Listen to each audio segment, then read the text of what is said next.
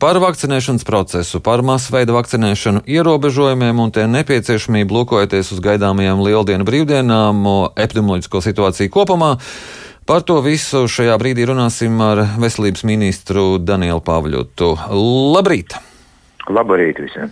Vispirms šī pauze, kas bija saistībā ar AstraZeneca vakcīnu, kā tas ir ietekmējis vakcinācijas plānus un tempus? Nu, kā es domāju, visi redzēja pagājušajā nedēļā vakcinācijas tempi nokrita tuvu nulai. Mēs eh, vairākas nedēļas dienas vakcinējām tikai otrās vakcīnas nedaudziem cilvēkiem ar Pfizer un Moderna. Un, un tā pamatvakcinācija, lielākais daudzums, ko mēs parasti darām ar AstraZeneca, vienkārši nenotika, jo, jo mēs nelietojām šīs vakcīnas piesardzības labad. Es katrā ziņā ceru, ka šis solis būs iedrošinājis tos cilvēkus, kas šaubās par to, vai Latvijā zāļu uzraudzība nopietni darbojas ka tā tiešām nopietni darbojas. Bet nu, citādi, protams, ka šīs vairākas dienas ir mums zudušas uh, un, un, un tie pagājušās nedēļas iecerētie plāni netika īstenoti. Bet, nu, toties šonadēļ mums ģimenes ārsti un citu vakcinācijas centri ir norādījuši, ka viņi ir gatavi no šodienas pilnā jaudā vakcinēt. Līdz ar to es ļoti ceru, ka šonadēļ mēs uh, turpināsim ar tādu tempu, kā, kā mēs bijām cerējuši, ka varētu būt pagājušajā nedēļā. Kā 2,5 tūkstoši dienā būtu ļoti labi. Tātad eh, šīs nedēļas plāns 2,5, eh, 3,5 tūkstoši dienā. 2,5-3. Redziet, mm. šobrīd ir tā, ka mums tās AstraZeneca vakcīnas eh, pienāk mazāk apmērā nekā mēs sākotnēji bijām cerējuši tās piegāžu apjomu samazināt. Un, un, un līdz aprīlim, kad mums nāks cita veida vakcīnu piegādes, vēl druskuļi jāpaciešās. Tāpēc mums tie lielie vakcinācijas centri jāveido, ka aprīlī mēs paļāvāmies uz to, ka mums būs būtiski vairāk vakcīnu piegāžu. Bet uh, Jūs nebiedējat, ka cilvēki varētu joprojām šaubīties par AstraZeneca vakcīnām. Jūs nedomājat kādus risinājumus, kādas kampaņas, vai, piemēram, rīkoties kā Lietuvā, kur mm, cilvēkiem dod iespēju izvēlēties? Mums šobrīd nav tādas īpašas iespējas izdot izvēlēties cilvēkiem, bet jebkurā gadījumā, un es uzsvēršu vienmēr, izvēli par vakcīnu vajadzētu dot mediķim. Tas nav lielveikals, kurā izvēlēties to vai citu uh, piena paku veikalā. Šīs ir zāles. Bet uh, mēs gatavojamies visdažādākām varbūtībām. Nu, tas ir mūsu pienākums kā vakcinācijas projekta vadītājiem. Ir, ir padomāt par dažādām varbūtībām. Tāpēc mēs strādājam pie dažādu komunikācijas materiālu izstrādes dažādos kanālos. Mums drīzumā būs liela, liela TV kampaņa ar, ar, ar tādiem rullīšiem, kuros būs sabiedrība atpazīstami cilvēki, kuri stāstīs par saviem iemesliem, kādēļ viņi vēlās vakcinēties. Mēs strādājam pie drukas materiāla, kas nonāks katrā paskastītē. Mēs strādājam pie materiāliem arī krievu valodā. Mēs runājam ar pašvaldībām par tādiem komunikācijas pasākumiem, kas ir aktuāli tieši tajā novadā, tajā reģionā. Tā kā mums ir pilnas rokas gatavojot tieši komunikācijas pasākumus arī, lai, lai veicinātu vakcinēšanos un veicinātu gribu vakcinēties. Vakcinēties gribu. Kādas sabiedrības grupas šobrīd ir plānotas vakcinēt? Šobrīd mēs turpināsim strādāt pie um, senioriem virs 70 gadu vecuma. Tā ir tā mūsu lielākā grupa šobrīd, kas arī jāsaka, strauji aug, vairāk nekā 20 tūkstoši vakcinēti. Mediķus un sociālās aprūpes centrus mēs lielā mērā esam jau vakcinējuši. Un priekšā no šodienas faktiski mēs sākam vienu jaunu, ļoti būtisku apakšgrupu, kas ir hroniski saslimušie cilvēki visos vecumos. Un mēs īpaši aicināsim hroniski saslimušos cilvēkus pieteikties savai vakcinācijai cilvēkus ar četrām nu, pamata diagnožu grupām un daudzām citām vēl arī mazākām, retākām saslimšanām. Tā kā būs iespēja atkal vērsties 8989 vai, vai piesaukt ģimenes ārsta un, un noskaidrot savas iespējas vakcinēties. Tad cilvēkiem, kuri jau ir pieteikušies, Un ir šīs. Nekas īpaši nav jādara. Viņi ir atzīmējuši savu chronisko saslimšanu, tad mēs viņus meklēsim rokā.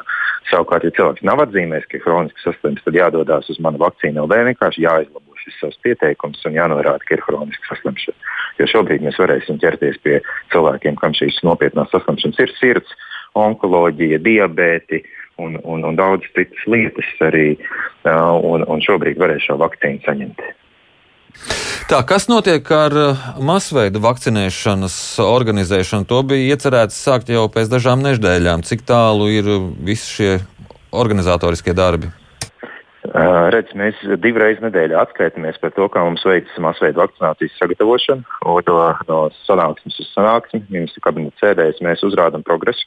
Es gribu pateikties tiešām, patiešām pateikties pašvaldību vadītājiem, gan, gan lielajās valsts pilsētās, gan arī citajās novada centros, ar kuriem mēs roku rokā strādājam pie šo vakcinācijas centru atvēršanas. Tie būs dažādi izmēri, sākot no teiksim, tūkstošiem cilvēku vakcinēšanām nedēļām, un, un tad no 3000 līdz 8000. Rīgā vispār būs divi, divi ļoti lieli centri un, un 12 vēl mazāki. Tā kā šo centru būs diezgan daudz. Pirmos no tiem jau pagājušajā nedēļā sāka iekārtot, ja šis telpas aprīkot, un krēslus izvietot, zīmes izvietot un viss pārējo, kas nepieciešams. Paralēli mēs uh, apzinām to pakalpojumu sniedzējus, kas, eh, kas vakcinēs. Ja, tātad šīs pārsniedzības iestādes, kas sniegs vakcinēšanas pakalpojumu. Un tur bija pagājušajā nedēļā noklāpētas 142 brigādes, kas var strādāt visā Latvijā. Īsiem vārdiem mēs no aprīļa sākuma būsim vakcinēti gatavi vairāk nekā 100 tūkstoši cilvēku nedēļā. Tas ir mūsu uzdevums un tas arī tiks izdarīts. Savukārt pašu vakcināciju mēs uzsāksim tajā brīdī, kad būs pietiekami liels vakcīnu piegādes klāt. Tajā brīdī šos centrus vērs vaļā, cilvēks aicināts un, un viss notiks. Un, uh, kurš būs tas brīdis, kad būs, būs uh, gan šie centri vaļā, būs vakcīnas, būs vakcinētāji? Gatavi mēs būsim no aprīļa pirmās nedēļas, tā kā uzdots un tā kā solīts. Uh, savukārt pārējais būs atkarīgs no vakcīnu faktiskām piegādēm. Uh, šobrīd tas vakcīnu apjoms, kas pienāk, tiek izvakcinēts. Mēs esam normālos Eiropas rādītājos pēc tā vakcīnu daudzuma, kas tiek uh, izvakcinēts uz, uzreiz. Un, un nu, visu nedēļas nogali man jāsaka, gan man, gan citiem kolēģiem pagāja vairākās sanāksmēs Briselē, kur notiek pārunas par vakcīnu uh, papildus apjomu sadali. Un es ļoti ceru, ka mums jau aprīlī būs pieejams to papildus Pfizer vakcīnu apjoms. Šīs sarunas vistuvākās dienās tiks noslēgtas. Un līdz ar mūsu iepriekš pasūtītajām vakcīnām tam vajadzētu būt nu, teiksim, šīs te aprīlī. Es jums vēl nevaru pateikt tieši cik daudz, bet nu, jūtam vairāk nekā martā. Un, uh, faktiski vienīgais, kas mūsu jaudu vakcinēt šobrīd ierobežo, ir vakcīnu daudzums. Nevis mūsu spēja, bet tieši vakcīnu daudzums. Viss, kas atnāk, tiek arī savakcinēts. Uh, visā šajā pandēmijas laikā tagad uh, interesants jautājums par mediķu algām. Uh, valdība vēl tomēr lēmumu nav pieņēmusi. Jūs nebaidat, ka tas varētu radīt kādas sekas? Kas notiek? Šīs reformas mēs esam gatavojuši ilgstoši. Nu, katrā ziņā no manas, no veselības ministrijas puses ir tā, ka mēs ļoti labi saprotam to, ka Covid krīze reiz beigsies, un, un pēc tam mums būs jāatgriežas pie nozares uh, dzīves uzlabošanas un darba sakārtošanas kā līdz tam.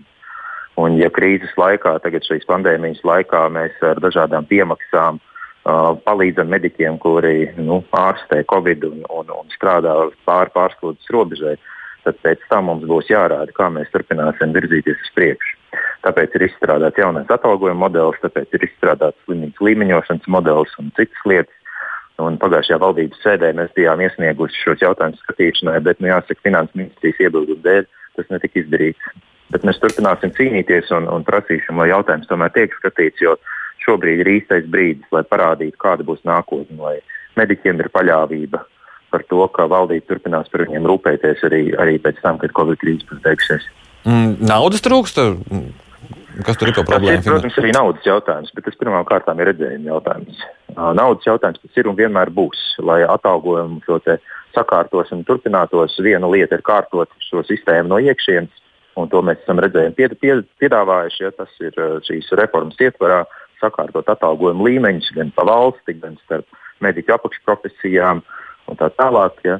Tā pašā laikā mums jau ir jārāda, kādā veidā šis uh, atalgojums pakāpeniski turpinās kāpt. Ne tik lieliem lēcieniem kā no šī gada, bet nu, tomēr pakāpeniski, lai tas, lai tas uh, pietuvotos atbilstoši nu, darba samaksas attīstībai valstī. Uh, lai tas pietuvotos vēlamajam līmenim, ja mērķa augai, kā mēs to esam definējuši. Un, protams, ka tas nākamajos gados prasīs naudu. Bet daudzas, daudz jautājumu prasīs naudu nākotnē. Tas nav iemesls šobrīd par šo reformu nelēmt. Mēs ļoti labi saprotam, ka paši budžeta lēmumi būs pie budžeta skatīšanas. Bet nu, šobrīd mums ir domstarpības finanšu ministrija un mums tās neizdodas pārvarēt. Un, un es ļoti ceru, ka valdības vadītājs un, un cits, eh, citi ministri nāks palīdzīgā un mēs varēsim virzīties uz priekšu. Nu, valdībā ne tikai neiet uz priekšu ar šo jautājumu, bet arī ar ierobežojumiem. Cik tālu esat tikuši ar to plānu par izlemšanu, kurā brīdī, ko nekavējoties vērt ciet, kad situācija paliek sliktāka? Ekspertu grupa pie šī strādā. Tas, par ko mēs vienojamies pagājušajā valdības sēdē, ir, ir mūsu speciālisti piedāvātie kritēriji par to, kas tad būtu tās pazīmes, ka patiešām ir, ir nu, tā, nu, ceļās šis trešais vilnis, ja, nu, līdzīgi kā Igaunijā un Čehijā, daudzās citās valstīs. Un ka nekavējoties jārīkojas, ka nedrīkst zaudēt laiku. Par šiem kritērijiem mēs vienojāmies. Vismaz par kritērijiem mums vairs nebūs jādiskutē. Par pašiem pasākumiem varbūt atgādināšu, pirms trim nedēļām mēs vienojāmies par šo scenāriju A, kurš paredzēja mazliet nopietnākas prasības, bet kopumā saglabājot šo kursu. Ja. Situācija ir stabila šobrīd. Tā tad ir mazi palēcieni, ir atkal kritumi, bet kopumā šī saslimstības rādītāja un slimnīcas noslodze lēnām samazinās. Lēnāk nekā mums droši vien visiem gribētos, bet samazinās. Atšķirībā no, piemēram, Igaunijas, kur šie skaitļi ir, ir ārkārtīgi augsti. Lūk, un, uh, savukārt mums tomēr ir jābūt gataviem tajā brīdī, kad, kad šie um, no ārvalstīm ievestie vīrusu paveidi uh, turpina vēl vairāk izplatīties, un viņi tiešām no nedēļas uz nedēļas apjoms kāpj. Ja pagājušajā nedēļā tie bija jau ap 25%, tad rīt mēs uzzināsim speciālus jaunākos novērtējumus par to, cik tad šonadēļ ir. Domāju, būs atkal kāpums redzams.